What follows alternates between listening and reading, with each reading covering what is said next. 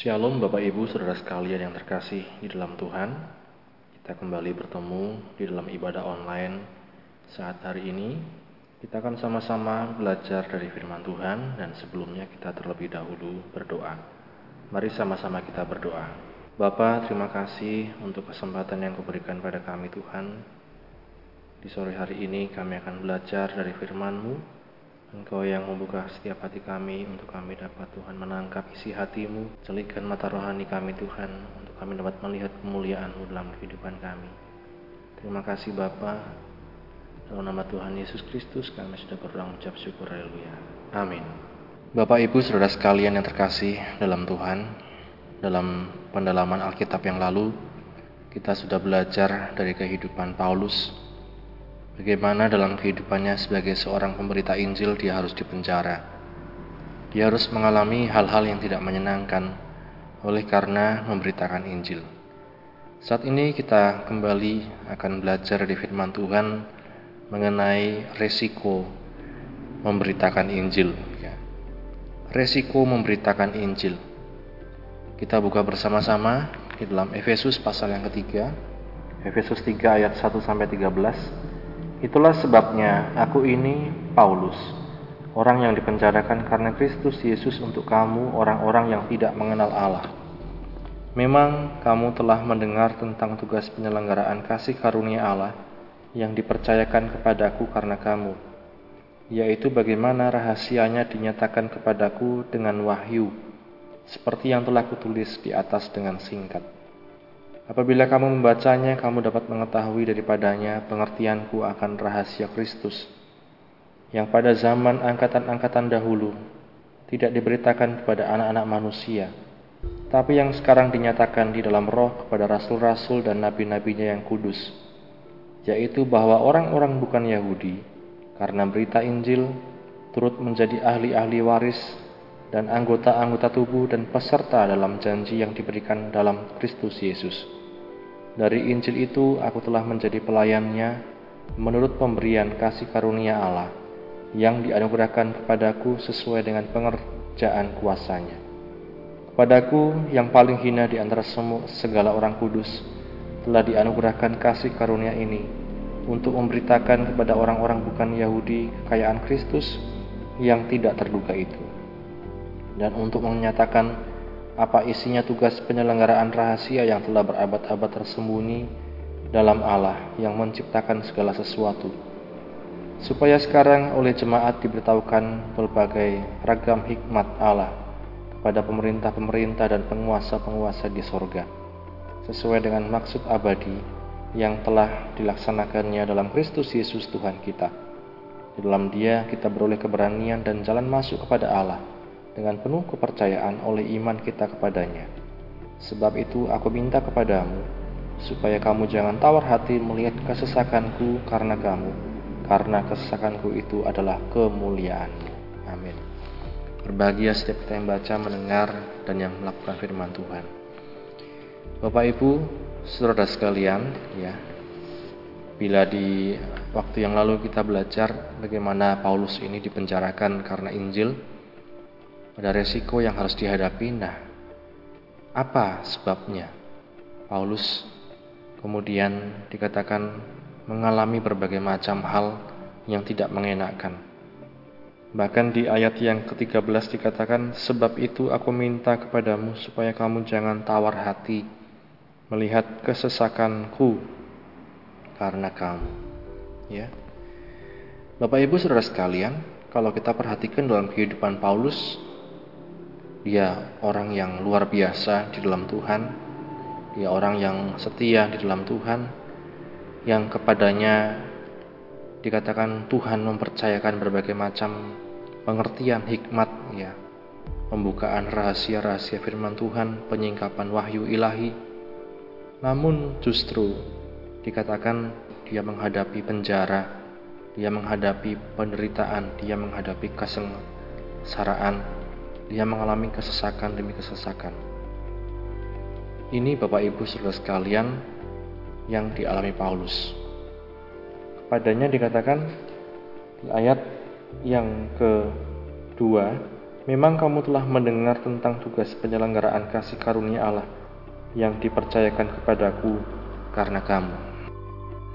Bapak Ibu, sebagai satu gambaran ya, kalau kita diberikan satu kepercayaan, kalau kita mungkin diberikan satu pemberian oleh orang lain, tentu bagaimana perasaan kita ketika diberikan hal tersebut kita pasti akan senang, kita akan bahagia, kita akan bersyukur. Namun kita melihat Bapak Ibu Saudara sekalian, kepada Paulus dikatakan diberikan kepercayaan, diberikan kepercayaan untuk memberitakan Injil. Tapi justru dikatakan lewat kepercayaan tersebut Paulus memberitakan Injil dan dia harus menghadapi berbagai macam tantangan dan halangan. Ini Bapak Ibu Saudara sekalian dalam Tuhan kita melihat ada resiko, ada tantangan, ya. Kalau kita ikut Tuhan, seperti yang kami selalu saya sampaikan, dikatakan hitung dulu, ya.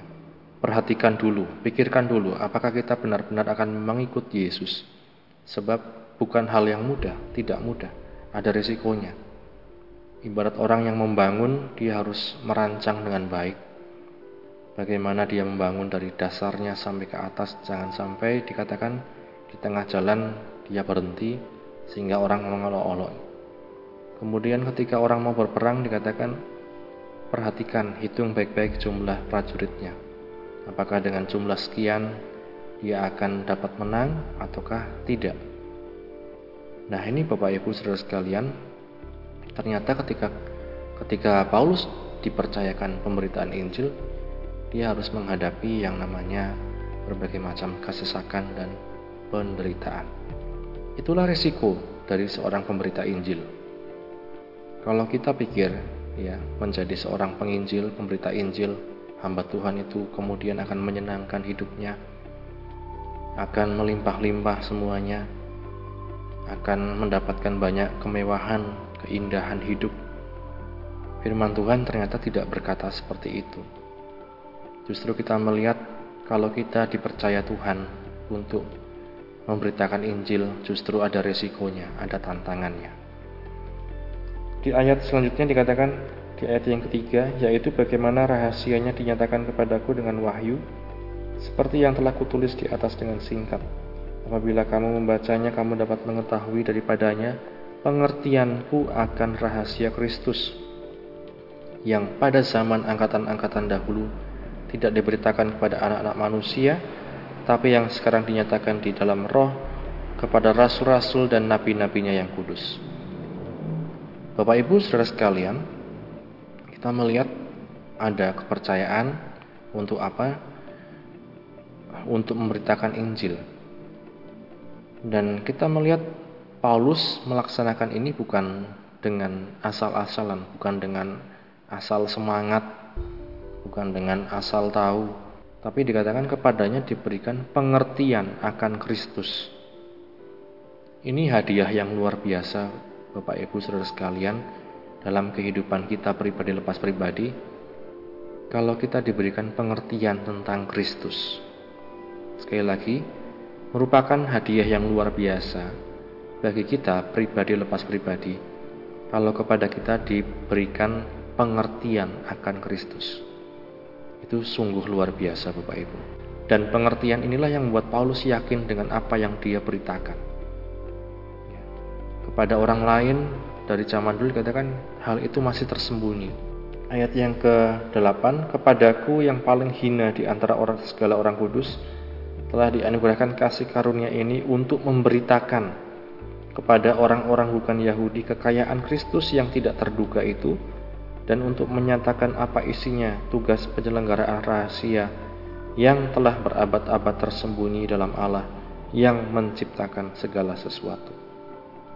Kita melihat Bapak Ibu Saudara sekalian, berabad-abad tersembunyi rahasia ini. Berabad-abad tidak disingkapkan. Tapi kepada Paulus dikatakan diberikan satu pengertian tentang Kristus. Rahasia. Ya. Yang orang lain Zaman dulu pengen tahu tapi tidak tahu. Tentang apa dikatakan yaitu ayat yang keenam yaitu bahwa orang-orang bukan Yahudi karena berita Injil turut menjadi ahli-ahli waris dan anggota-anggota tubuh dan peserta dalam janji yang diberikan dalam Kristus Yesus. Ini Bapak Ibu Saudara sekalian, pengertian yang diberikan kepada Paulus tentang Kristus membuka satu rahasia dikatakan bahwa orang-orang bukan Yahudi karena berita Injil turut menjadi ahli-ahli waris dan anggota-anggota tubuh dan peserta dalam janji yang diberikan dalam Kristus Yesus. Termasuk bagi kita sekalian, janji itu juga berlaku bagi kita sekalian orang-orang bukan Yahudi. Bukankah ini sesuatu yang luar biasa? Disingkapkan kepada Paulus sehingga dia memiliki pengertian ya. Kemudian diberitakanlah rahasia Injil itu diberitakanlah kebenaran itu. Dan apa yang terjadi bukan hal yang menyenangkan. Dia mendapat banyak penolakan di sana sini. Dia mendapat banyak tentangan di sana sini terutama dari orang-orang sebangsanya. Dia harus dipenjara, dia harus mengalami siksaan dan lain-lain. Resiko memberitakan Injil Bapak Ibu. Seringkali kita kalau ikut Tuhan beribadah kita pengennya main aman ya. Aman ya yang penting beribadah sudah tambah baca Alkitab ya lebih syukur lagi tambah berdoa lebih luar biasa tapi untuk memberitakan Injil kita pikir ah tidak mau ah males salah satunya karena apa Bapak Ibu saudara sekalian kalau kita melihat dalam teks ini karena pengertian akan Kristus itu belum disingkapkan dalam kehidupan kita Karenanya Paulus berdoa kita melihat Efesus 1 ayat yang ke-16. Efesus 1 ayat yang ke-16. Aku pun tidak berhenti mengucap syukur karena kamu dan aku selalu mengingat kamu dalam doaku dan meminta kepada Allah Bapa Tuhan kita Yesus Kristus yaitu Bapa yang mulia itu supaya ia memberikan kepadamu roh hikmat dan wahyu untuk mengenal dia dengan benar. Ini yang dipinta Rasul Paulus. Ini yang diminta dalam doa Rasul Paulus kepada jemaat, termasuk kita sekalian. Sebab apa? Sebab dengan memiliki pengertian itu, dengan diberikan pengertian itu, pengertian yang tersingkap tentang Kristus, kita akan menjadi pemberita-pemberita Injil yang berani menghadapi berbagai macam resiko dalam hidup ini. Bukan orang yang main aman, bukan orang yang mau enaknya saja. Ikut Tuhan, Bapak Ibu, tidak dijanjikan hal-hal yang menyenangkan. Tapi ikut Tuhan, kita dijanjikan akan disertai Tuhan dalam berbagai macam situasi dan kondisi. Karenanya Bapak Ibu Saudara sekalian, melalui firman Tuhan di sore hari ini, mari sama-sama kita menyadari panggilan kita.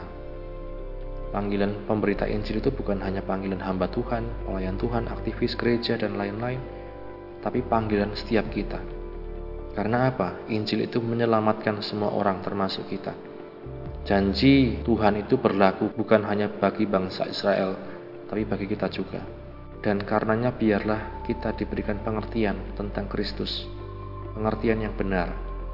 Sehingga kita mengerti kebenaran firman Tuhan dan kita mau untuk menjadi pemberita-pemberita Injil, pemberita-pemberita kebenaran yang membawa kebenaran itu dalam kehidupan kita di mana pun kita berada.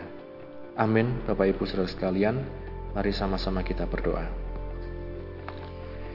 Bapak terima kasih untuk firman-Mu yang telah kami baca, kami dengar. Ialah Engkau yang meteraikan firman-Mu, dan biarlah Tuhan Engkau yang mampukan kami menjadi pelaku-pelaku firman-Mu. Kuatkan kami dalam pergumulan iman kami, dalam perjalanan hidup kami Tuhan. Banyak tantangan yang harus dilalui, tapi kami percaya bersama dengan Engkau Tuhan, kami dapat melewati itu semua. Berkati setiap anak-anakmu yang sudah mendengar firman-Mu Tuhan. Berikan pengertian ya Tuhan, bukakan pengertian, berikan roh hikmat dan wahyu untuk mengenal Engkau dengan benar ya Tuhan. Dan Engkau yang mampukan kami Tuhan untuk menjadi pelaku-pelaku firman-Mu. Terima kasih Bapa, kami bersyukur Tuhan. Dalam nama Tuhan Yesus Kristus kami sudah berdoa mengucap syukur haleluya. Amin. Puji Tuhan, Pak Ibu saudara sekalian, Tuhan memberkati kita. Amin.